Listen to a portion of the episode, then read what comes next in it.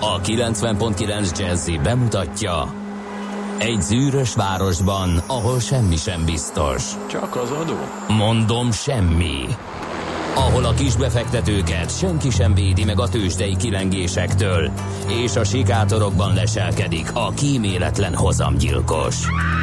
Csak négy férfi múlik a közbiztonsága. Hadnagy urak, merre vannak? A mindenre elszánt és korrumpálhatatlan alakulat vigyáz a rendre minden reggel. Az állati nyomozók? Négy férfi egyeset és egy nyalóka. Ács Gábor, Gede Balázs, Kántor Endre és Mihálovics András. Az íróasztal mögül pedig Profit kapitány diktálja a tempót. Humor, emberi sorsok, közönséges bűnözők és pénz, pénz, pénz. Egy különleges ügyosztály. A Gazdasági Muppet Show minden hétköznap reggel a 90.9 Jazzin. De is figyelj, ne csak a bárányok hallgassanak. De miért? Ha nincs pénzed azért, ha megvan, akkor pedig azért. Millás reggeli. Szólunk és védünk. Jó reggelt kívánunk, drága hallgató közönség! 2018. február 9-e van, egy pénteki nap, és indul a Millás reggeli itt a 90.9 Jazzy Rádion, benne pedig Ács Gábor. És Mihálovics András. 0 30 20 10 9 0 9 ez az SMS és a WhatsApp számunk, hát akkor legyen tiétek a szó. A futár, aki szerelmes írja, hogy Csepel Gödöllő suhan, de hát ezt 6 órakor írta, úgyhogy lehet, hogy már nem annyira suhan, mint amikor ő arra járt. A kíváncsi érdeklődőknek elmondom, hogy az a bizonyos ebéd kolbásszal töltött nyuszi volt. Fogalmam sincs, hogy ez hogy kerül ide. Ja, a tegnapi sms volt, hogy a tegnapi ebédszünetet érdemes volt kivárni, mert olyan ingyenséget ízlelgettem, hogy csak na, és ez volt a kolbásszal töltött nyúl. Hát egészségére váljon. Ennyit tudunk mondani, és ha már étkezés, akkor köszönjük Vikinek a kis fotóját, amit elküldött nekünk a GFK repülőtérről. Csokoládé formájában lehet Donald Trumpot kapni. Azt írja Viki, hogy nem mertük megkóstolni sem a Donald Trump csokoládét. Fölrakjuk a Facebook oldalunkra, és majd indítunk egy gyors körkérdést, hogy ti megkóstolnátok-e Donald Trump csokoládéját. No, nézzük, hogy mi történt február 9-én a világtörténelme, de inkább azt mondjuk, hogy újabb dráma volt a tőzsdéken. Ami... Na hát, azt hittem, hogy megint ellenállsz ennek. Hát majd lesz piaci összefoglaló, Gábor, akkor majd abba bőven. Megint ezer pontot esett a, a Dow Jones Index, de majd Zsidai Viktor befektetési szakember jön a majd 8 órára a stúdióba, és megkérdezzük, hogy ő aggódik-e. Ő már megmondta hetekkel ezelőtt, hogy jön az a bizonyos uh-huh. összeomlás, és igaza volt, hogy ez meddig tart, Azért meg milyen nevezik, új világ jön, ezt ne majd nevezik már összeomlásnak.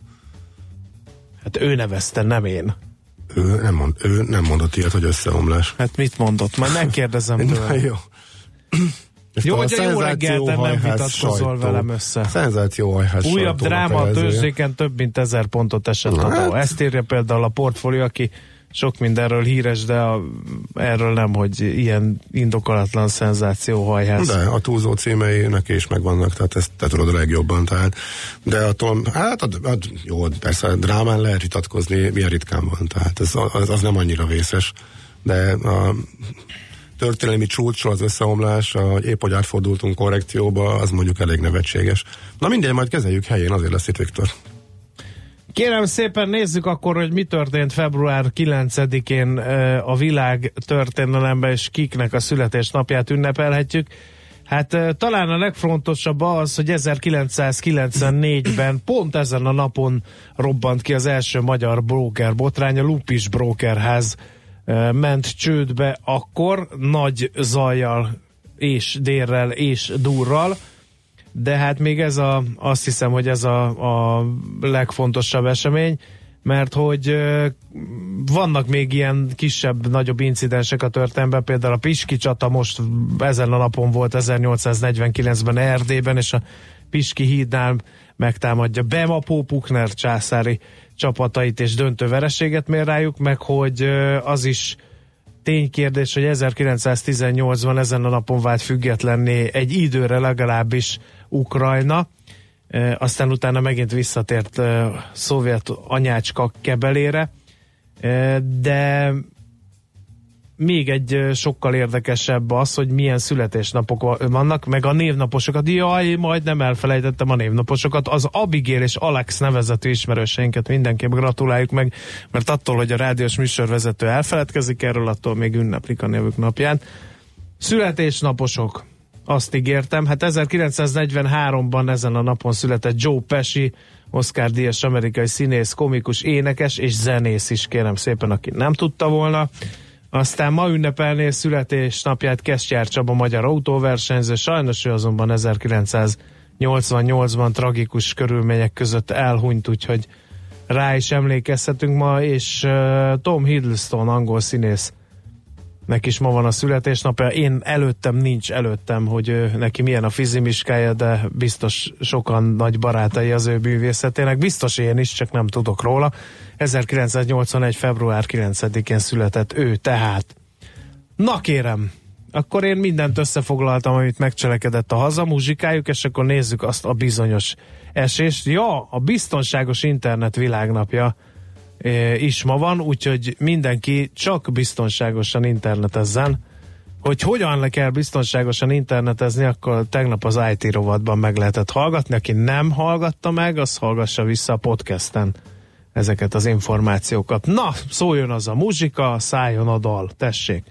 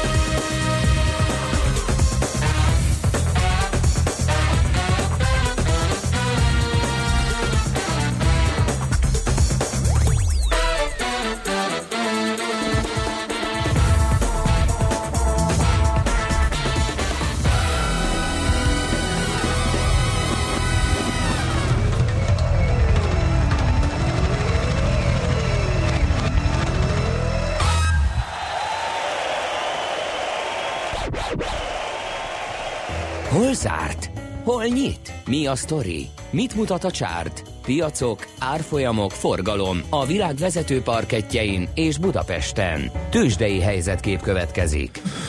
Hát 2,1%-os volt a mínusz a budapesti értéktősdén, bőven 40 ezer pont alatt, 38.875 ponton zárt a budapesti tőzsde irányadó mutatója, a blue chipek mind nagyobb mértékben estek, üdítő kivétel talán a Telekom a maga 4 os mínuszával 458 forintos zárvárral, de akkor mondom, hogy 3,1%-ot esett a MOL 2890 forintig, 2,3%-ot az OTP 11.120 forintig, és 1,8%-ot szánkázott lefelé a Richter egészen 6405 forintig.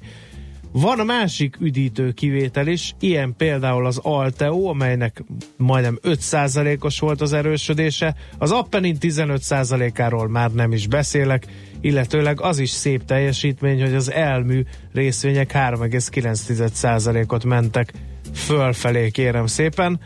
Hát aztán a kis és közepes papírokban is ilyen bőven 1% fölötti mínuszok voltak zömében, az FHB 1,8-at esett, a Waberers 1,3-at, az állami nyomda 1,1-et, a Rába 1,7-et, és hosszasan sorolhatnánk, de hát igazából a fő és igazából az érdekes folyamatok azok inkább a külföldi piacokon voltak tapasztalhatóak azzal az ominózus 1000 pontos Dow Jones eséssel. Erről szakértő szavakkal Ács Gábor kollégám fog beszámolni.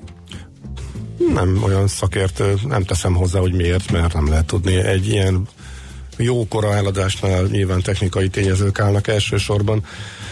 A háttérben megint mögé lehet tenni híreket, hogy mi indította el, de összességében jelentéktelen mindegyik. Tehát eh, valószínűleg mosolyogtunk volna pár hete, ugyanezeken semmiféle reakció nem lett volna rájuk a tőzsdéken, úgyhogy ezt meghagyom majd Zsidai Viktornak, hogy elemezgesse, nem tudom, van-e értelme, az biztos, hogy egy százas és egy ezres, ezres a Dow Jones-ban és száz az S&P 500-asban, és szép, és ismét napon belül, tehát nem arról van szó, hogy hú, már alig várták, hogy kinyisson, és akkor mindenki tódult ki az ajtón, hanem elindult, az S&P egyébként még pluszban is volt, jó, nagyon pici pluszban, majd az egész napot a negatív tartományban töltött, és a záráshoz közeledve erősödött az eladás. Tehát az utolsó órában aztán akkor lett igazából akkor jött az igazi kiborítás. Így nőtt a veszteség, majdnem 4%-ra tehát az S&P 500. Most ezen már, hogy vaskosan átfordultak a piacok mínuszba, ami az idei teljesítményt illeti.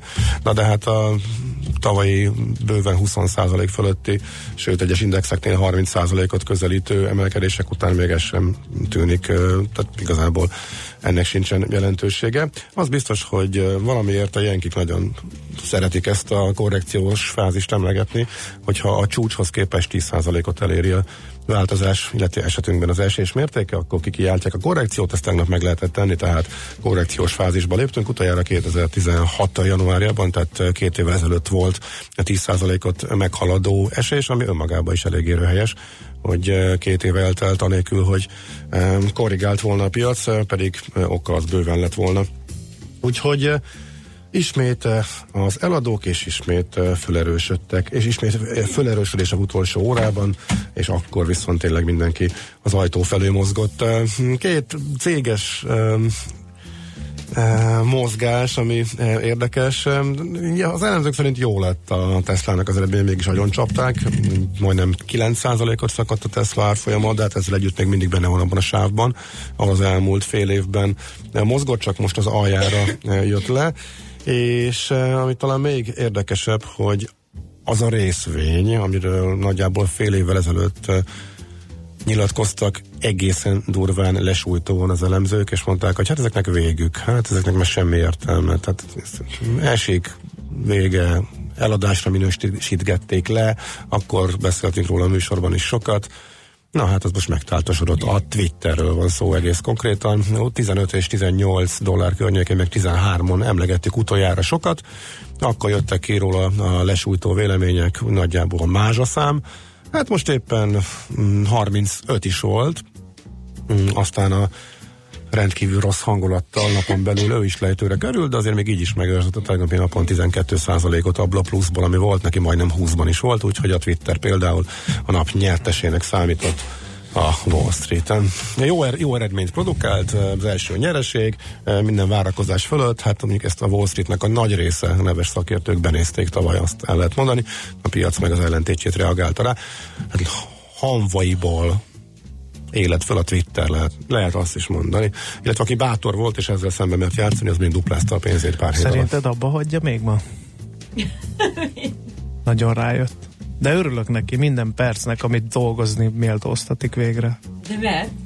Hát mert közben hallgat, néz rám nagy birka szemekkel, és várja, hogy elviszem a sót. Annyira élvezem, mikor egy elkapja a fonalat akar a Gábor. bosszantani. Tehát most fel akar Azt bosszantani. hittem rám mondod. Nem, nem, nem, nem. Te is fel akarod bosszantani, de te másokból. Na mindegy.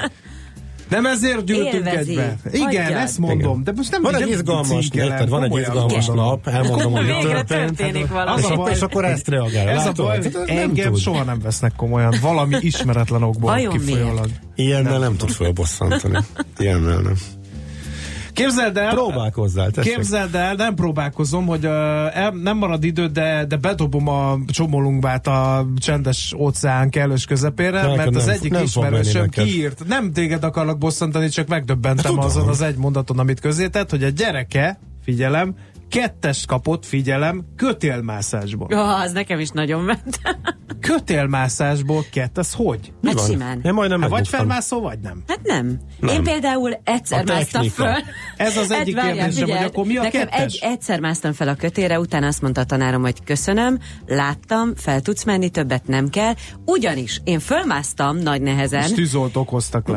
Hát majdnem, mert tériszonyom volt, és nem mertem lejönni, és a feléig lecsúsztam úgy, hogy Ú, a kezem, fáj, kezemről lejött a félbe, és onnantól leugrottam, és mondta, hogy köszönöm szépen, látom, hogy fönn voltál, ennyi volt. Ez az egyik, a másik, kellett. miért kell szegény gyerekeket kötélmászásból osztályozni? Tényleg. Mert része a tantervnek. De Az enyém az kis labdahajtás oké, kötelet futás oké, Ugyanolyan, de miért kötélmászásból? Hát mert ugyanolyan az is. A, a hagyományos, régi módi de neve, akkor azt nem, a, és ez, ez is egy kérdés a, az ismerősömtől, hogy most kinek a kudarc ez? A gyereki, aki nem tud felmászni, vagy a tanáré, aki nem tudta megtanítani Hát felmászni? ez, Figyelj, és én, akkor maga, magának ad kettest? én nem korepetálásra jártam, én magántanárhoz Kötélmászásból? jártam. figyelj, de, Kötélmászásból. figyelj, ki mit, most gondolj bele, Ezt nem, ének, ezt nem Egy tornatanár ismerőshöz el kellett mennem délután, mert nem mertem fölmenni, ezt megtanított, és utána de ez igen, ugyanaz, mint hogy énekórán nem tudsz énekelni. Ja, hát Soha büdös életben nem fogsz Várjál, tudni. nem úgy volt. Tehát Ez, engem meghúztak énekből. Senkit nem tanítottak,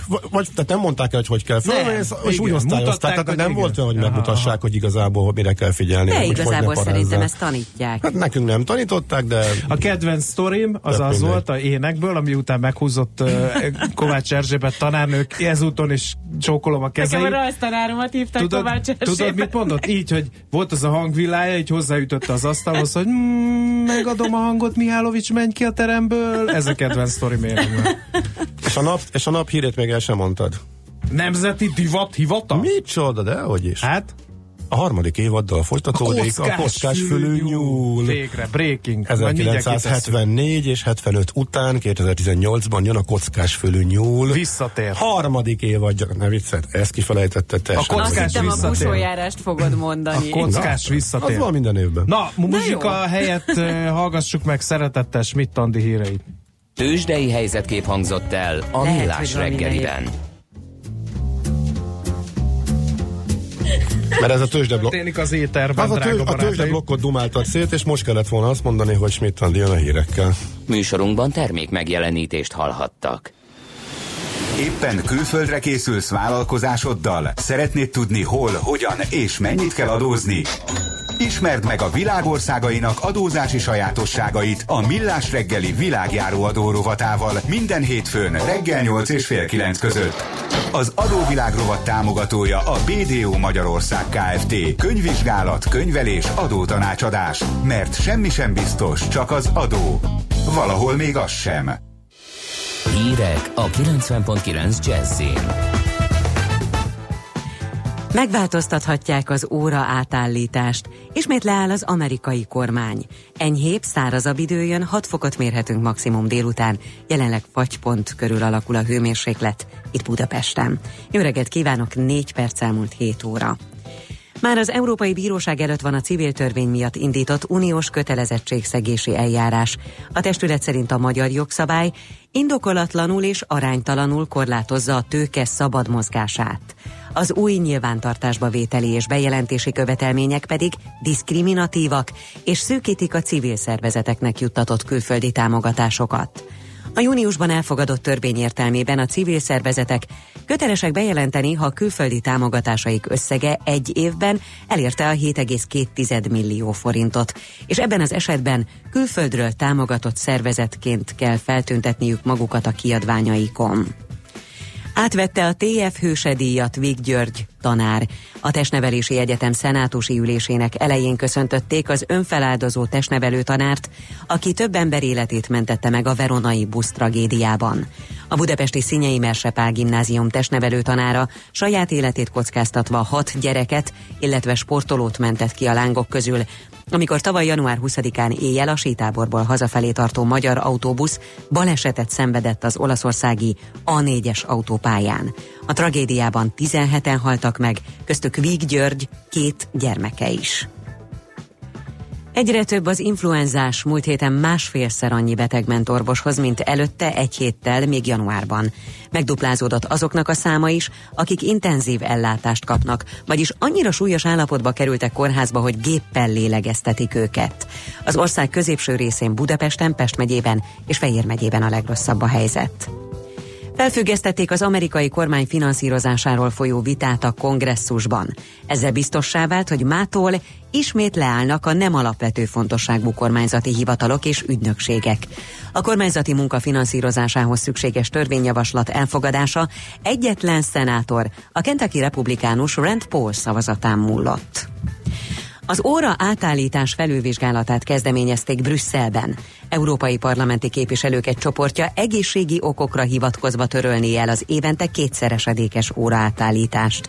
Rámutattak, számos tanulmány próbálta pozitívan bemutatni az óra átállítást, de kutatók a negatív hatásokat is rendre kimutatják az emberi egészségre nézve. Az EP képviselők felszólították az Európai Bizottságot, hogy vizsgálja ki, és ha kell változtasson ezeken az irányelveken. Véletlenül 15 ezer tojást rendelt a norvég olimpiai küldöttség. A csapat szakácsai nagyot néztek, amikor fél teherautónyi tojás érkezett szálláshelyükre. Mint kiderült, az interneten rendelték meg a szállítmányt, és egy hiba következtében a kívánt 1500 tojás tízszeresét kapták meg, így a remélt ünnepi tortákhoz bőven lesz alapanyag. Bár a 15 ezer tojás nagy részét sikerült visszaküldeni, a szakácsok a következő napokban javarészt omlettet, főtt tojást, és tojásos füstölt lazacot készítenek a delegáció számára. Változékony időnk lesz ma északkeleten még lehet csapadék, a Dunántúlon viszont kisüthet a nap, az erős szél is mérséklődik, napközben 1 és 6 fok között alakul a hőmérséklet. A hírszerkesztőt Schmidt-Tandit hallották friss hírek legközelebb fél óra múlva. Budapest legfrissebb közlekedési hírei a 90.9 Jazzin a City Taxi Dispécsejétől. Jó reggelt kívánok, köszöntöm a kedves hallgatókat. Még nincs jelentős forgalom sem a városban, sem a bevezető utakon. Az útporkolatok nagy része tegnapi szinte egész napos eső miatt nedvesek, a magasabban fekvő helyeken néhol csúszósak lehetnek. Felhívnám a figyelmüket, hogy lezárják a 8. keleti Tüme utcát, a Bóka János utca és a Szigony utca között betonozás miatt, az első keleti Toldi Ferenc utcát a Franklin utcánál építkezés miatt, emiatt a Fiát János utca irányából Zsák utca lesz. Napközben a 3-as határhegyi úton szakaszonként kertészek okozhatnak útszűkületet. Trafipaxot nem láttak kollégáink, szerencsére balesetről sem tudunk beszámolni. Köszönöm a figyelmüket, induljon jól a napjuk, egy óra múlva friss hírekkel jelentkezem újra. A hírek után már is folytatódik a millás reggeli, itt a 90.9 jazz Következő műsorunkban termék megjelenítést hallhatnak.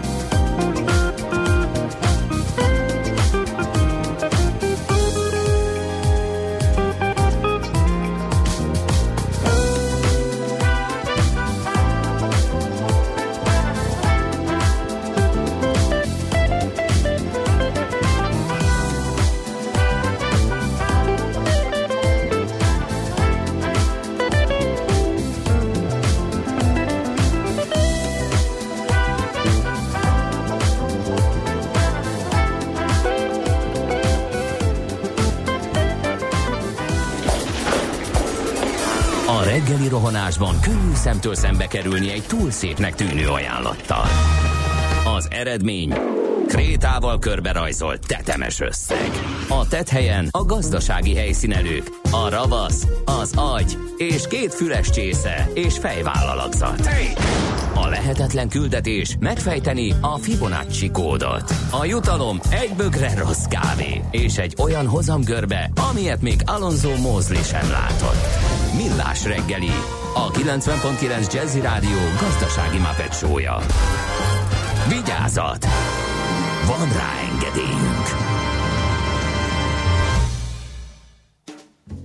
Jó reggelt kívánunk, 7 óra 15 perc van, folytatódik a Millás reggel itt a 90.9 Jazzy Rádión, és benne a műsorvezető páros Ács Gábor az egyik. És Mihálovics András a másik. Kérem, 0 30 20 10 9 0 9 ez az SMS és a WhatsApp számunk, ide lehet velünk kontaktusba lépni, vagy ezen lehet velünk kontaktusba lépni. Például ilyenek kell, palléroznak engem a kedves hallgatók, hogy nincs meg kiátsza a Lokit az összes Thor filmben. Hát kérem szépen, na ő a Tom Hiddleston, akinek ma, ma születésnapja van. Köszönöm szépen, többek lettünk Ács kollégával, bár ő a Tort sem tudja, tehát ő, ő neki nem nagyon jelent előrelépés szóló üzenete. Micsoda hír, tojásból is szeretnék füstölt lazacot készíteni, írja Gal, és a maradék tojással megdobálják e, a szakácsot? kérdezte Fergából, ugye az új-zélandiaknak esetben 15 ezer darab tojás egy véletlen rendelés miatt. Budapesten a Pacsirtamező utcában az Árpád hídtól a város felé vezető irányban trafiznak. Egy rendőrnéni, aki pont olyan magas, mint a trafipak szállvány. Tehát még egyszer Pacsirtamező utcában az Árpád hídtól a város felé mérik a haladók sebességet, aztán segítséget lehet kérni a Facebookon, esetleg elvesztettem egy nagyon fontos dolgot, csoda lenne, ha visszakerülne hozzám. Hát, nem tudom, Katinka, ha gondolod, próbáljuk meg, írni el üzenetet Facebookon, aztán esetleg tesszük, meglátjuk, hogy a közösség ereje mekkora. Ebben az esetben legalábbis kettes kötélmászásból talán, hogy felismerte a kötelet. Készségtárgyakat nem osztályozni kéne, hanem megszerettetni a mozgást, a muzsikát, a rajzolást, Véli Tar- Tar Józsi, és én maximálisan egyetértünk vele. Nemes utca, Alacskai lakótelepnél frontális karambol, a Nemes utca végig lefagyva, nagyon csúszik írja Balázs, tehát óvatosan az arra haladóknak. Na nézzük, mit ír a magyar sajtó. Ennyit? Nem, hát kezdjed te. Én kezdjem, azért mert Brüsszel megvédi a magyar civileket, ez a Magyar Nemzet e, címlapján, ezzel szerintem nem foglalkozunk, aztán e, megúszta az elővetest a befolyásos ügyvéd, ez e, tegnapi hír volt ennek a háttere, hogy az ügyvéd, aki Habony Árpádot is védte, ő hogy gyúzta meg az előzetest, aztán Szlovákiában is könnyen lába él az uniós pénzeknek, ez van még itt a címlapon taxis áremelésről, nem sokára dönthetnek, erről beszéltünk, ebben a újdonság az, hogy nem sokára dönthetnek, de hát szerintem azt is nagyjából ki lehetett találni, úgyhogy hát én ez nem is tudom, mit az előbb Miért vettem a kezembe, mint ha lettem, láttam volna bele valami használható, de ezek szerint nincsen. A világgazdaság, a vendéglátósok többsége nem teszi ebbre az áfa csökkentést, e, nyilatkozza nyilván a vendéglátósoknak egy képviselője, sejtésem szerint. Uh-huh. Azt mondja, hogy a Magyar Turisztikai Szövetség Alapítvány kuratóriumának elnöke mondja ezt egészen meglepő módon. Aztán a munkaügyi perek ok, fő oka a felmondás, hú, ezt a mindenit most megint nagyon meglepődtünk. A, melyik volt? Üzleti hír repítette az Appenint. Hát az üzleti hír, ahogy arról tegnap szó volt, az volt, hogy a cég olyan ingatlanokat vesz, amelyekben például spár üzletek vannak, ez nagyon jól körbejárta a sajtót, és oda tekerek a tizedik oldalra, hogy van-e valami háttér ennek. Én inkább engem az érdekelne, hogy miért adta el az Erste ingatlan alap? Hát, ha, ha ezek olyan fejős tehenek voltak, akkor jé, egy egészen picike cikk van, semmi nincsen benne, az képest címlapra sikerült tenni. Hm, na jó, oké, tehát ilyenkor az ember azért a kis ördög megjelenik, hogy Mészáros Lőrinchez köthető cég Mészáros Lőrinc lapjába egy kis hírt ami belül kísér, az majdnem ugyanakkorába kikúszik a címlapra, hogy akkor ez vaj. Miért? E, aztán, hát majd, na nem, szerintem ezt ugorjuk. Mm, módosítanám a vallomásomat. Dániel Zoltán is, Spicli volt.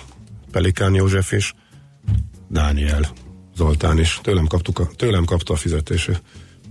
Magyar idő. De hát név szerint Galván Tivadar Galván mutatta be, aki akkoriban az autógyárban dolgozott. Ez a Magyar Idők címlapjáról jutott eszembe, ahol Karácsony Gergely volt esztések és milliárd és a Soros Bérencek a tanácsadói körben.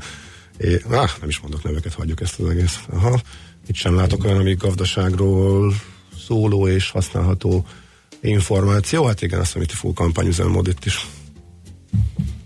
Jössz.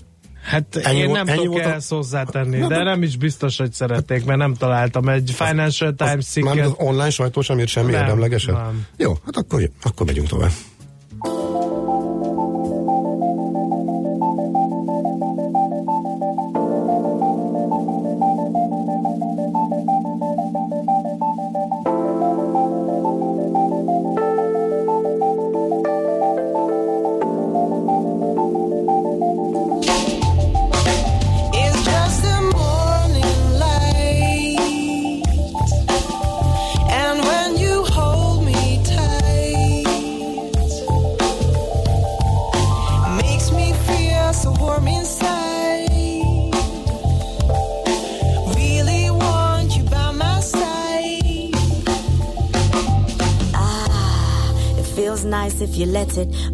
Yourself to this brightness. The light, if you let it, will shine right through your eyes, all through your body. Yes, it's nice. Meditation good if you let it. Vocals and vocabs if you just let it. Spill right out into your mind. Madness combined with highness. Your highness, I'm called. Oh yes, this love hits. Always gonna go on before days. Days get over before haze hits my head. I feel nice today. Get to know yourself before you regulate yourself. Make haste with yourself and you just fall. Surely you should be able to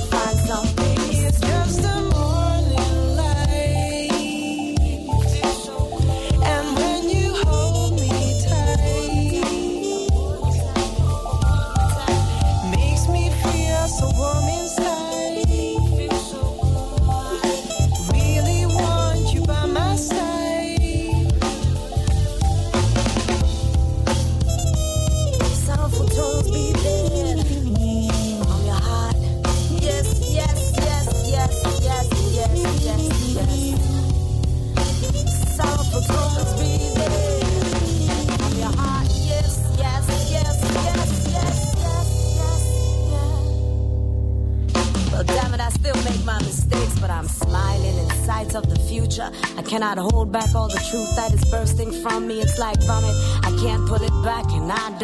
Cause it can smell bad sometimes, but at the same time, it's free forward focus. Conscious of the deeds that I've done. Oh, my mind still confronted with madness. Off this cliff, I shall jump right deep into the light and brightness. Come and hold me tightly, hold me tightly. I cannot come undone. It's sweet to my mind, electric combination, son. Badness revealed, badness revealed. Madness is done with. I go through forward motions, my friend. We shall see. You and I combine, we shall see. We shall it's see. It's just a morning light. And when you hold me, hold me tight. Makes me feel so warm inside, inside. Really want you by my side. It's just the sound of, sound of bell. It makes you feel so swell.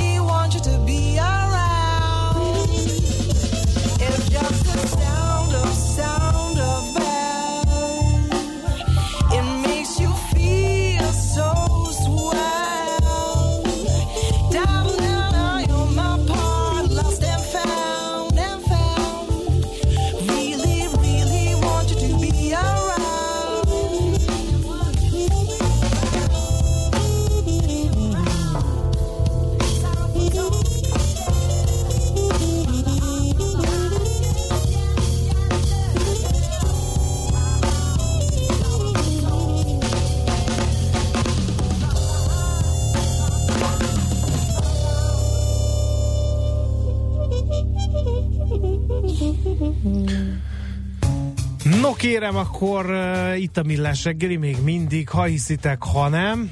Megérkezett Szatyi bácsi harmadik unokája, mai farsangi mulatságot ezennel tejfakasztóvá minősítem a magam részéről. Szerintem ezt nem nekünk, és nem a Jazzy Rádió közönségének uh, küldte a hallgató. Mi minden esetre beolvastuk, az a biztos, hadd örüljön Szatyi bácsi a harmadik unokájának, és hadd kapjon minél nagyobb teret minél nagyobb nyilvánosságot ez a, te, ez a bizonyos tejfakasztó, mert hát ugye annak sikerülnie kell, és jól kell sikerülnie, hogy a, az újdonsült édesanyjának bőven legyen táplálásra alkalmas teje, úgyhogy mi megtettük a magunkét ebben De az ezt nem ügyben. csak az apukák játszák, ezt a nagypapik is játszák? Mi az, hogy? Igen. Hát mindenki, aki érdekelt abban, hogy elegendő Jó, teje oké, legyen. csak Szerintem majd- ezt hát vad jó. idegenek is Csak játszhatják. mire egyébként. készüljek majd. Jó, oké.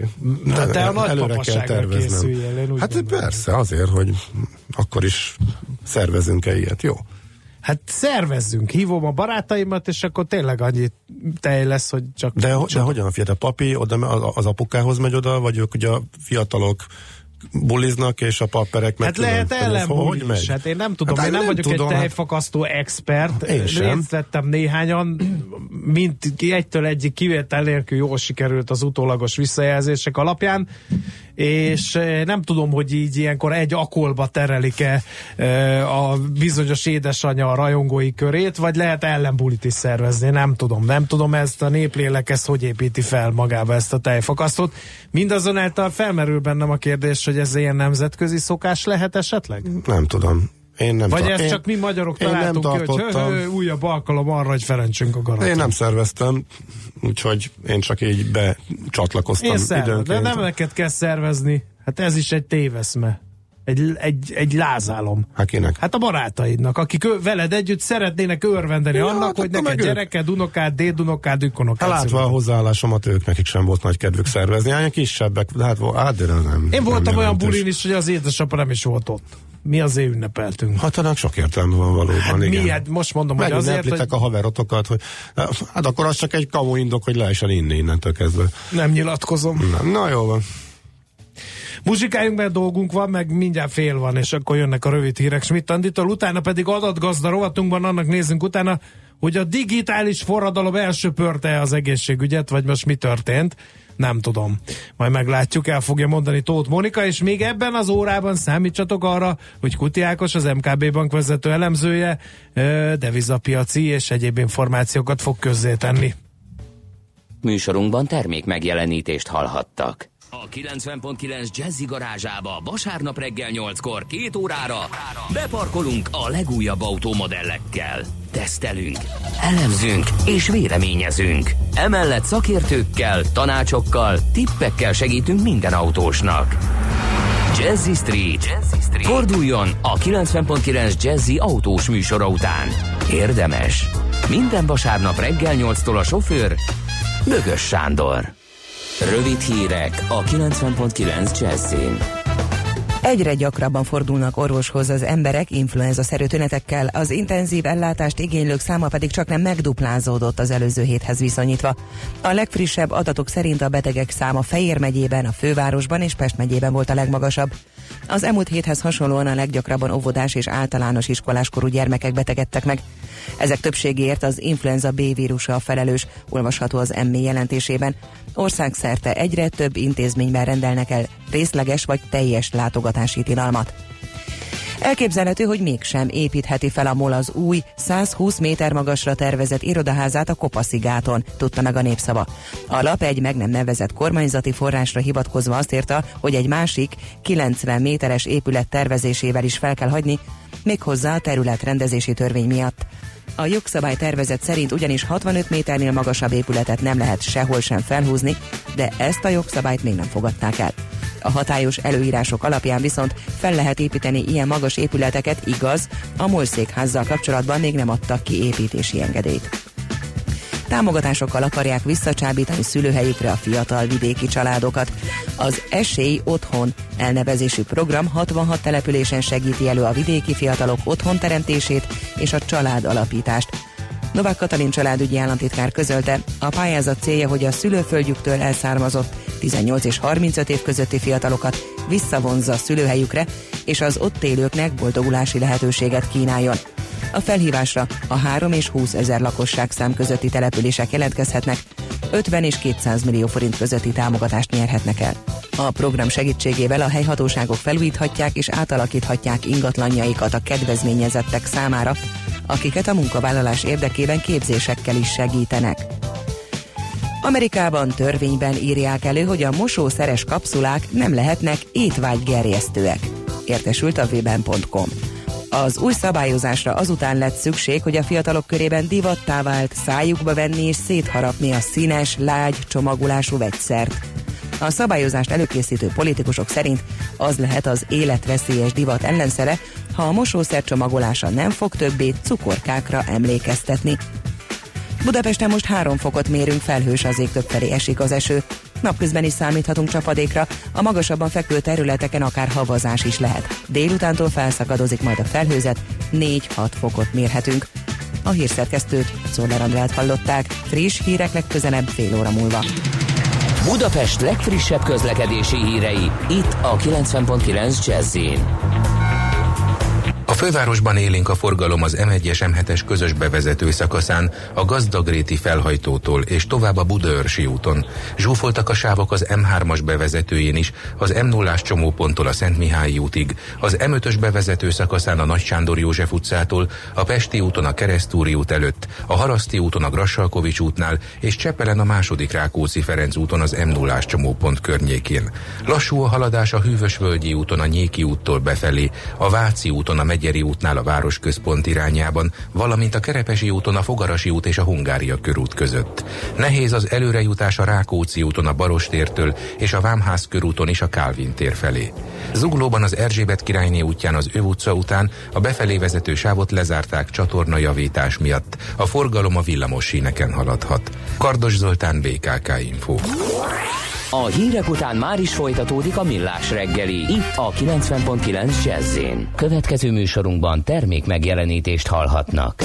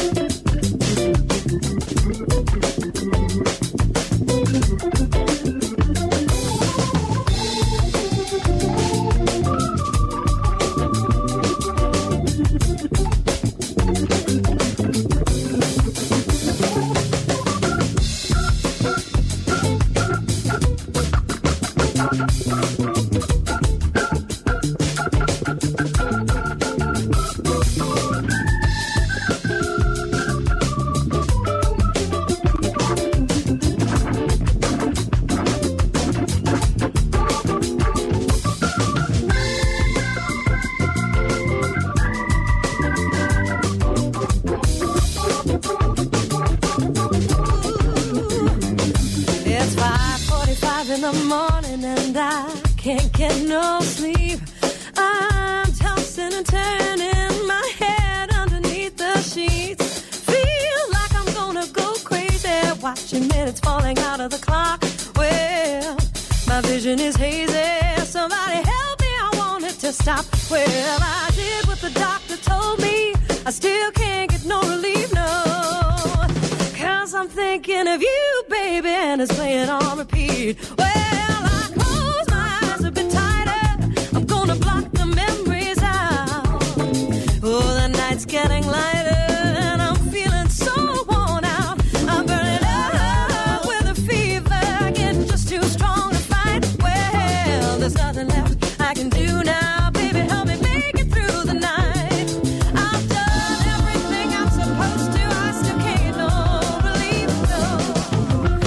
Cause I'm thinking of you.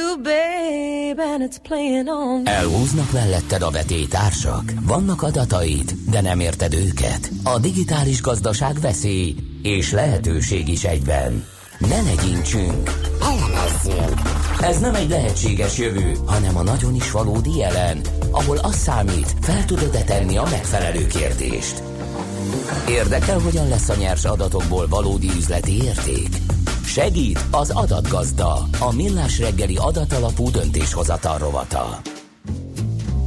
Szépen akkor ez a millás reggeli itt a 90.9 jazzin, és hát ugye azt világosan láthatjuk, hogy az egészségügyben elég komoly problémák vannak, és ezeknek a problémáknak egy részét talán a digitális forradalom majd megoldja, ha már eddig nem sikerült, de hogy ez mennyire lesz így, azt még persze nem lehet tudni. Egy biztos, hogy vannak már olyan digitális eszközök, amelyek egy jó csomó jelenleg működő mechanizmus teljesen feleslegesé tesznek. Emlékszünk, hogy itt volt bent a stúdióban Meskó Bertalan és ő mutatott nagyon csodálatos kütyüket, de hogy ezek begyűrűznek-e az egészségügybe, arról Tóth Mónikával, a KPMG egészségügyi szektorért felelős vezetőivel fogunk beszélgetni. Szép jó reggelt kívánunk! Jó reggelt kívánok! No, digitális forradalom, ténykérdés. Egészségügy van, de a kettő összekapcsolható-e? Teljesen egyértelmű. Ugye az is teljesen egyértelmű, hogy az egészségügyi ellátórendszerek kapacitásai azok végesek, a finanszírozás felülről korlátos, hatékonyabb eljárások irányába kell elmozdulni az egészségügyben, ebben segít jelentős mértékben a digitalizáció és a technológiai fejlődés. Ugye azt látjuk, hogy a digitalizáció minden iparágban jelentős változásokat eredményez, Véleményem szerint leglátványosabb változást azonban éppen az egészségügyben figyelhetjük majd meg a következő évtizedekben. Ugye mire gondolok? Igen, igen, igen, ez lett volna a következő kérdés, hogy majd robotok műtenek-e bennünket, vagy nem. Vagy esetleg ennél jóval kevésbé forradalmi változásokkal fogunk szembesülni az egészségügyben? A, az, hogy robotok fognak műteni, ez már nem a jövő, ez már a jelen, tehát ilyen műtéteket már jelenleg is végeznek amerikai orvoscsoportok, akár Japánban betegeken, tehát ez teljesen egyértelmű, hogy ilyenek is lesznek, de hogyha azt vizsgáljuk, hogy mi az, ami a mindennapjainkat át fogja hatni, azok azt kell mondjam, sokkal inkább ezek a távmonitoring és távdiagnosztikai eszközök, amik el fognak terjedni. Tehát olyan hordozható uh-huh. orvostechnikai eszközök és szenzorok, amelyek folyamatosan lehetővé teszik a beteg biokémiai folyamatainak megfigyelését akár 24 órán át. Tehát ez azt jelenti, hogy, hogy nem kell bevinni majd a leleteimet ugye az STK-ba?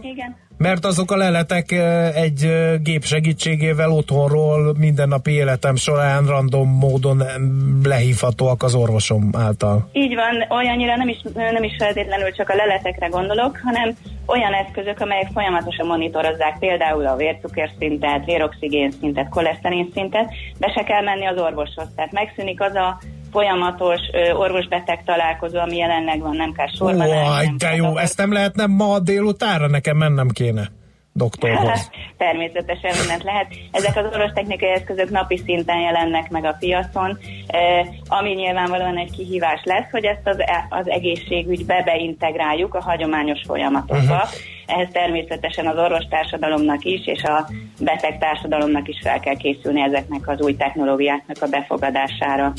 Még egy kérdés, eh, hogyha ez így távolról elérhető, és mér folyamatosan mindent, vércukrot, gondolom én púzust, nem vagyok egy orvostechnikailag felkészült szakember persze, úgyhogy most nem tudok több példát mondani, de e, akkor ezek a gépek mondjuk arra már alkalmasak, hogy e, ha valaki szívroham előtt áll, vagy egyéb ilyen, e, ilyen egészségére veszélyes tendenciák rajzolódnak ki ezekből az adatokból, az jelez? Vagy, vagy hívja a mentőt? Vagy valami ilyesmi elképzelhető? Na, nagyon jól látja, éppen ez a lényeg ezeknek az eszközöknek, tehát épp a betegségek korai felismerését és a korai beavatkozást teszi lehetővé. Könnyű belátni azt, hogy például egy olyan berendezés, ami előrejelzi a stroke várható bekövetkezését, és időben be tudunk avatkozni, ezzel elkerülhetővé válik egy több hetes, hónapos vagy akár évekig tartó gyógykezelés és uh-huh rehabilitáció. Egészen konkrétan egy magyar kutatócsoport dolgozott ki a stroke előrejelzésére egy ilyen berendezést. Hát ez nagyon jó és nagyon hasznos.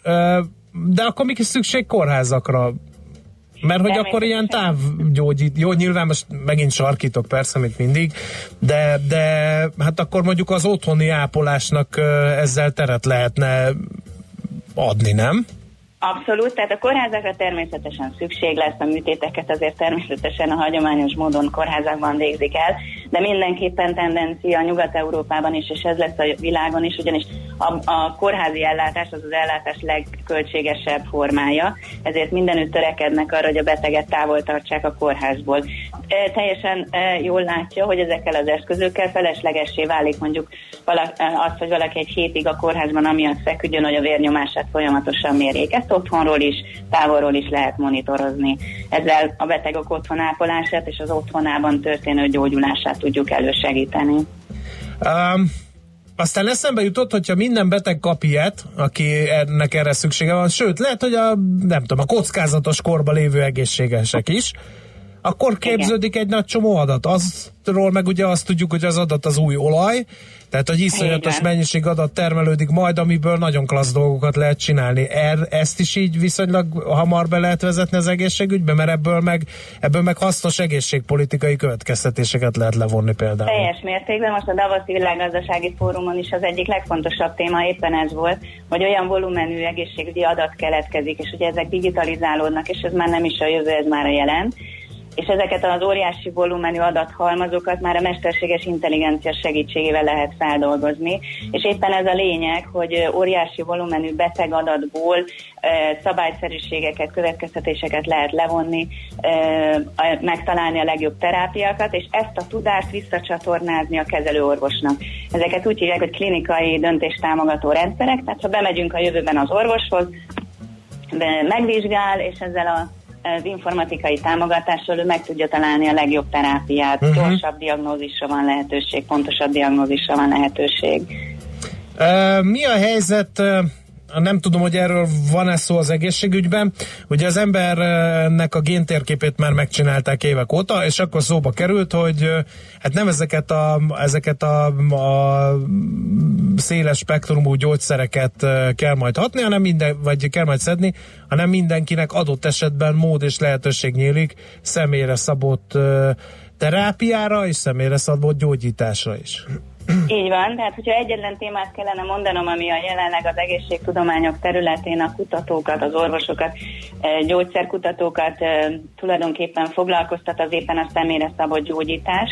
Óriási összegeket költenek a gyógyszercégek az ilyen típusú célzott terápiák kidolgozására, hogy az emberi genom digitalizálásával és megismerésével éppen arra törekednek, hogy az emberi, az egyes emberek biológiai, genetikai sajátosságainak megfelelő célzott készítményeket és terápiát kapjanak az emberek. Nyilván ez teszi lehetővé azt, hogy az egészségügy jobb, biztonságosabb és költséghatékonyabb legyen. Tehát ha a megfelelő beteget a megfelelő készítménnyel kezeljük, ez fog uh-huh. jelentős költségcsökkentést eredményezni az egészségügyi ellátás területén. Most így hallgatva ezt a beszélgetést, talán a megelőzésnek sokkal komolyabb szerepe lesz, nem? Hiszen, hogyha ha felállítunk, rengeteg adatunk van, Igen. azokból fel lehet állítani újfajta ilyen irányjelzőket, hogy na in, eddig egészséges a nagy számok törvény alapján valaki, innentől viszont nem árt uh, odafigyelni a vérnyomásra, a cukrára, stb. stb. stb. Úgyhogy egy kicsit talán a gyógyításról még jobban el lehetne tolni a hangsúlyt a megelőzésre? Nagyon-nagyon jól látja, ez lesz a jövő egészségügyinek szerintem az egyik legfontosabb jellemzője, ez a prevenció vagy megelőzés típusú gyógyítás. Könnyű belátni azt, hogy sokkal költséghatékonyabb megelőzni egy betegséget, beavatkozni időben, mint uh, utólag gyógykezelni valakit. Uh-huh. És prediktív kérnek, tehát ilyen előrejelzésen alapuló gyógyításnak nevezik tulajdonképpen ezen a területen azt, hogy, hogy valóban az emberi géntérkép feltérképezésével, és hogy ezek a technológiák egyre olcsóbbá válnak, meg lehet majd azt mondani, hogy kinek mire van genetikai hajlama, Természetesen nem azt jelenti, hogy ha valakinek genetikai hajlama van egy betegségre, az feltétlenül be is következik, de bizonyos te- diétával, életmóddal ez elkerülhető uh-huh, válik. Uh-huh. Tehát ilyen értelemben ez egyéni szinten is és társadalmi szinten is jóval előnyösebb megoldásokhoz. Maga, maga a gyógyítás hatékonysága is így tesztelhető, mérhető? Hiszen van egy csomó adat, akkor tudjuk, hogy egy szem kalmópirin az hogyan hasznosul a magyar népesség nagy átlagában például, most mondnak megint hülyességet persze. Így van, így van, nagyon-nagyon jól látja. A klinikai kutatásokról ugye mi az, amit általánosságban tudunk, hogy iszonyan hosszú ideig tartanak és nagyon-nagyon költségesek. Tehát onnantól kezdve, hogy ismerjük az emberi genomot, bizonyos beteg csoportokra eh, vonatkozóan eh, célzott terápiákon eh, dolgoznak, nagyon-nagyon fontos, hogy a klinikai kutatások során is korán előrejelezhető legyen, hogy melyik betegcsoport hogyan fog reagálni a készítményre, melyiknek uh-huh. melyik hatóanyagra, gyógyszerre van szüksége. Ugye most még nem vagyunk képesek előrejelezni egy kezelésnek a várható eredményességét, mielőtt a kezelés elkezdődne, ugye a beteg esetén. Éppen ezért a jövőben elkerülhetővé válik az, hogy terápiák hosszú sorozatán keresztül derüljön ki, hogy a betegnek uh-huh. mi lesz a megfelelő terápia. Azért jó ez a beszélgetés, mert így elkezd szárnyalni az ember fantázia, és, és az a meglepő ebben az egészben, hogy már van rá megoldás. Akkor most megpróbálok olyan területre merészkedni, hogy hát ha ott még nem készült fel az egészségügyi technológia, Igen. kiterjesztett valóság, vagy virtuális valóság, az alkalmazható ma már az egészségügyben? Mert ugye mondtuk, hogy robotokat már alkalmaznak, a robotsebészet az van már. Vannak erre vonatkozó kísérletek. Adatgazda. valóban. Lehet, hogy talán olvasott is erről. Va- Valóban lehet már, vagy kísérleteznek ezzel, hogy, hogy virtuális valóság szemüvegekkel befolyásolni betegek egészségi állapotát. Igen. Uh-huh. Különösen, ha arra gondolunk, hogy mondjuk a stresszkezelésben milyen Mhm. jelentősége lehet egy ilyen újfajta megoldásnak. Nagyon várjuk ezt az időt, hogy így elharapozzanak ezek a technológiai megoldások a magyar egészségügyben. Szerintem mindenkinek az az érdeke, hogy ez minél előbb történjen meg. Úgyhogy nagyon szépen köszönjük gondolatébresztőnél is több volt ez a beszélgetés. Én is köszönöm. Szép napot kívánunk, minden jót! Köszönöm minden jót. Tóth Mónika, a KPMG egészségügyi szektorért felelős vezetője vázolta fel, hogy mi lehet, milyen hatásai és milyen jelei lehetnek a digitális forradalomnak az egészségügyben.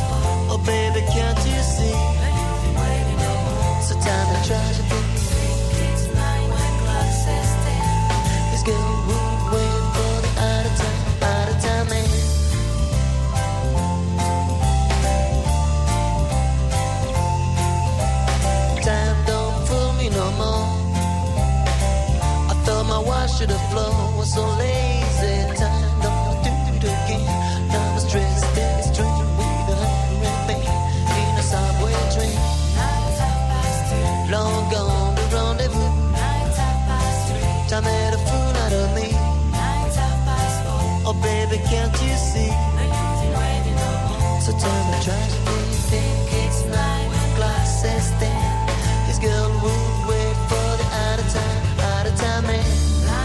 Past two. Long gone rendezvous. Past three. Time made a fool out of me. Past baby, can't you see?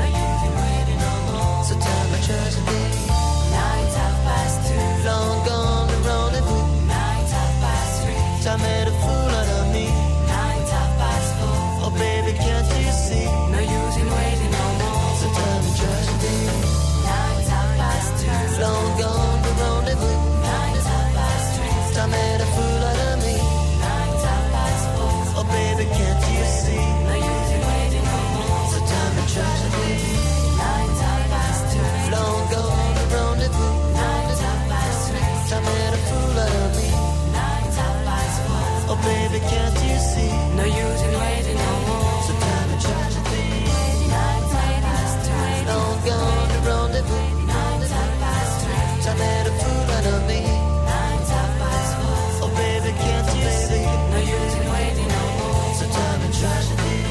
0 30 20 10 9 0 9 és ír a hallgató, kérem szépen, milyen csodálatos dolog a digitális forradalom a rádiózásban. Morgan Freeman kartársak, azt a Dow Jones gyereket lehet be kellene íratni judóra, megtanulna esni, kelni, védeni maga magát, írja Löpapak köszi.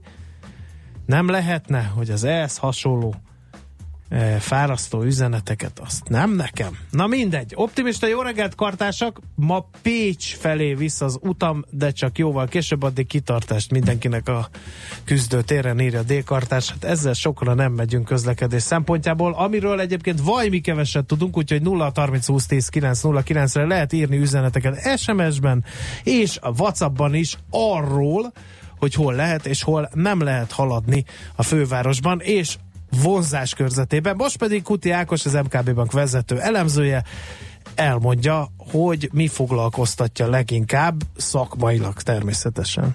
Szervusz! Jó reggelt kívánok, sziasztok! Hát azt kell mondanom, hogy a devizapiacokon jól lehet haladni, sőt már ki is nyitottak, és már lehet is uh, kereskedni, és azt látjuk, hogy nagyon sok izgalom lett uh, hirtelen az elmúlt néhány nap folyamán a, a tőzsdéken, aminek láttuk ugyan előjeleit az elmúlt néhány hét folyamán, de azért uh, ilyen tekintetben ilyen markáns mozgások, mint amit még a hét elején láttunk, azért ezek valamelyest keltettek meglepetést a, a befektetők körében. Ha pusztán csak a devizapiacról beszélgetünk, akkor azért látszódik az, hogy vegyes mozgások, egymásnak ellentétes mozgások is húzódnak itt, nevezetesen, hogy a dollár mozgása azért követi azt a pályát, amiről beszélgettünk már itt jó néhány héttel ezelőtt is, tehát az elmúlt néhány hétben, ezért alapvetően dollár erősödést vártunk a monetáris politikából a változó monetárpolitikai összejárásból fakadóan, de erre ráerősített az a fajta piaci mozgás, amit látunk most a tőkepiaci turbulenciák tekintetében, magasabb kötvényhozamok kevésbé teszik vonzóvá a részvényeket, illetve a kötvényeket, és ennek hatásait látjuk a dolláros mozgásokban. Nagyon röviden, csak hogy, hogy értsük ezt a folyamatot, miért van az, hogy a magasabb kamat az igazából ö, csökkenti a részvények kötvények vonzerejét, nagyon egyszerű példát hoznék, egy eszközértékelésénél nagyon fontos az, hogy milyen kamatpályát rakunk abba az értékelési modellbe, hogyha egy magasabb, akár mondjuk 1 százalék vagy 2 százalékkal magasabb kamatpályával számolunk, és ezt kivetítjük a jövőbe, akkor ez a, a jelen értékét mondjuk úgy az eszköznek rontja. Tehát ezért látjuk azt, hogy amennyiben beárazza valaki, vagy felkészül arra, hogy magasabb kamatpályát lát akár a tengeren túl, akár mondjuk az eurozónában, akkor az itteni pénzügyi eszközök nekit is át kell áraznia, és könnyen lehet, hogy mondjuk egy 5-10%-kal kisebb méltányos érték vagy egy fair adódik ebből. Tehát ezt a folyamatot látjuk most hirtelen megindulva az elmúlt néhány napban a piacokon, elkezdték a magasabb volatilitásból fakadóan átárazni a befektetők ezeket a kamatvárakozásokat, és ez vezetett oda, hogy néhány eszköznél, főleg a részvénypiacon úgy érezték, hogy nem feltétlenül megalapozottak azok a, az árazási mutatók, amiket láttunk korábban, és ennek a hatásait látjuk a devizapiacokon is. A klasszikus uh, üvegekúj szabályok kezdtek el működni. Ugye beszéltünk sokszor arról, hogy a japán ilyen milyen uh, finanszírozó devizaként funkcionál, nevezetesen, hogyha jó a tőzsdei hangulat, hogyha szeretnek addicionális kockázatot vállalni a befektetők, akkor például Japán ilyenből is tudják finanszírozni ezeket a pozíciókat, ami, amikor megnyitják ezeket a, a pozíciókat, a konverzió miatt gyengíti a jent, viszont hogyha éppen borúsabb a tőkepiaci környezet, akkor zárják ezeket a pozíciókat, és ez, jár, ez, ez okozza a ilyen erősödését. De mennyire? Mert igazából hasonló nagy a tőzsdei esésekhez képest, mintha azért nem lenne annyira durva a devizapiaci reakció, és mondjuk itt a forint Igen, is olyan fura, alá. fura, hogy ahhoz képest, ami megy a tőzsdéken, a devizapiacok ilyen viszonylag higgadtabb távolságtartással reagálnak ezekre a folyamatokra. Igen, ez nagyon jó felvetés, hiszen a, mi is azon lamentáltunk a csapattal a hét folyamán, hogy mi- mi az az ellentmondás. Van-e itt egyáltalán ellentmondás? Amit látunk mondjuk a kötvénypiacokon, igazából nincsen nagy turbulencia az állampapírok tekintetében, van némi hozonemelkedés mondjuk az eurózónás kötvénypiacokon, illetve a tengeren túlon, de érdemben azért nem lehet arról beszélni, hogy elszakadt volna a cérna a, a kötvénypiacokon. Ugyanígy a devizapiacokon, ha megnézzük, nagyjából az 1.25-ös szintek lejöttünk ugye 1.23 alá az eurodollárban, ha megnézzük mondjuk a kábelt, vagy akár az eurójelent, ugye 3-400 BP bázisponttal kerültünk lejjebb, tehát igazából nagyon nagy jellegű mozgás, mint amit egyébként a, a tőkepiacokon látunk azon belül is a részvénypiacon, olyan jellegű mozgás nem mutatkozott, ezért inkább arra gondolunk mi is, hogy talán így a médiában megjelenő szalagcímek talán kicsit túlzottan um, markánsak, túlzottan extrémnek tűnnek, ami a részvénypiacokon zajlik, hiszen, hogyha a százalékos elmozdulást nézzük, és nem a pontértéket, miért kapjuk fel a fejünket, mert azt láttuk már a hét elején is, hogy volt egy több mint 1000 pontos esés a Dow Jones Indexben, tegnap szintén egy hasonló mértékű történt, hogy ez nagyon sokkoló, 1000 pont, hát ez, ez, nagyon soknak tűnik, hirtelen nem tudjuk elhelyezni a kontextusban. Ha százalékosan nézzük, mondjuk a, a hétfői mozgásokat, vagy a tegnapét, ugye 3-4 százalékos esésről lehet beszélgetni a részvénypiacon, amit mondjuk legutóbb a Brexit eh, népszavazást követően láttunk a, a tőkepiacokon, és egyébként az elmúlt évtizedekben azért volt arra például, hogy ilyen mozgás volt. Uh-huh. Tehát inkább van ennek egy ilyen pszichológiai hatása, hogy rég láttunk már ekkora mozgást, azért az elmúlt másfél év folyamán nagyon kevéssé voltak ilyen kilengések a tőkepiacokon, inkább van ennek egy ilyen pszichológiai vetülete, hogy hirtelen azért felkészületlenül érette a befektetőket. Másrészt viszont, ha kontextusba helyezzük, ha százalékos mértékét nézzük, akkor azért nem annyira kiugróak ezek a mozgások, és mi azt gondoljuk, hogy azért ez mutatkozik, hogy ez tükröződik vissza igazából a, a többi eszközországhoz. Mi van Pistivel a vérzivatarban? Azaz a jó magyar forinttal legyen ez az utolsó kérdéskör. Kérdéskör. Pistire gondolom? Igen. Nagyon stabil, és ennek kifejezetten örülünk, hiszen láttuk a régiós devizákat azért nem um, muzsikálnak olyan jól ebben a, a hangulatban.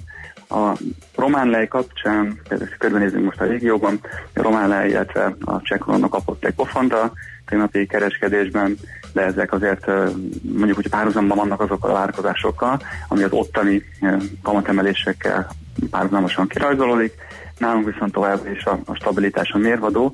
Ugye 311 környékén van most az euróforint, ami valamelyest magasabb, mint a hét elején látott 309-310-es szint, de összességében még így is látjuk azt, hogy, hogy sokkal inkább fix pont vagyunk a régiós mozgások tekintetében, vagy régiós mozgásokkal összevetve, mint a, a többi deviza, és arra is számítunk, hogy a következő hetekben rövid távon sem változik meg uh-huh. ez a megítélés, tehát továbbra is úgy érezzük, hogy mi leszünk itt a, a megnyugvásnak a jele, igazából stabilitásnak uh-huh. a jele a régióban, hiszen a monetáris politikát tekintve nem számítunk nagyon markáns változásra, és egyébként a, a makroadatok továbbra is nagyon impresszívek, ugye lassan-lassan jön majd a tavalyi negyedik negyedéves GDP-nk, és ez is egy megerősítést ad abban a tekintetben, hogy továbbra is kedvező a makrokörnyezetünk, úgyhogy ilyen, vagy ezzel a szemüveggel tekintve is, azért továbbra is stabilitásban, stabilitást várunk a forintpiacon. Jaj, de jó, zenefüleinknek, főleg így optimista pénteken. Köszönjük szépen az összefoglalót, kerek volt, informatív és impresszív és fantasztikus, úgyhogy Isten tartsa meg jó szokásodat a jövő hétre, és Rendben, alig várom, hogy újra beszámolhassunk a fejleményekről. köszönjük szépen, és jó kereskedést mára! Viszont kívánom, köszönöm, sziasztok! Szia, szia! Kuti Ákossal, az MKB Bank vezető elemzőjével vizslattuk a devizapiaci folyamatokat, és most rápillantok az órára, és már 8 óra van, itt van Schmidt Andi az ő híreivel, és utána többek kívánságára megnézzük, hogy mi folyik a tőzsdéken, egy igazi szakértő Zsidai Viktor tolmácsolásában, és hát majd megnézzük, hogy milyen az az új világ, amelynek eljövetelére ő számít.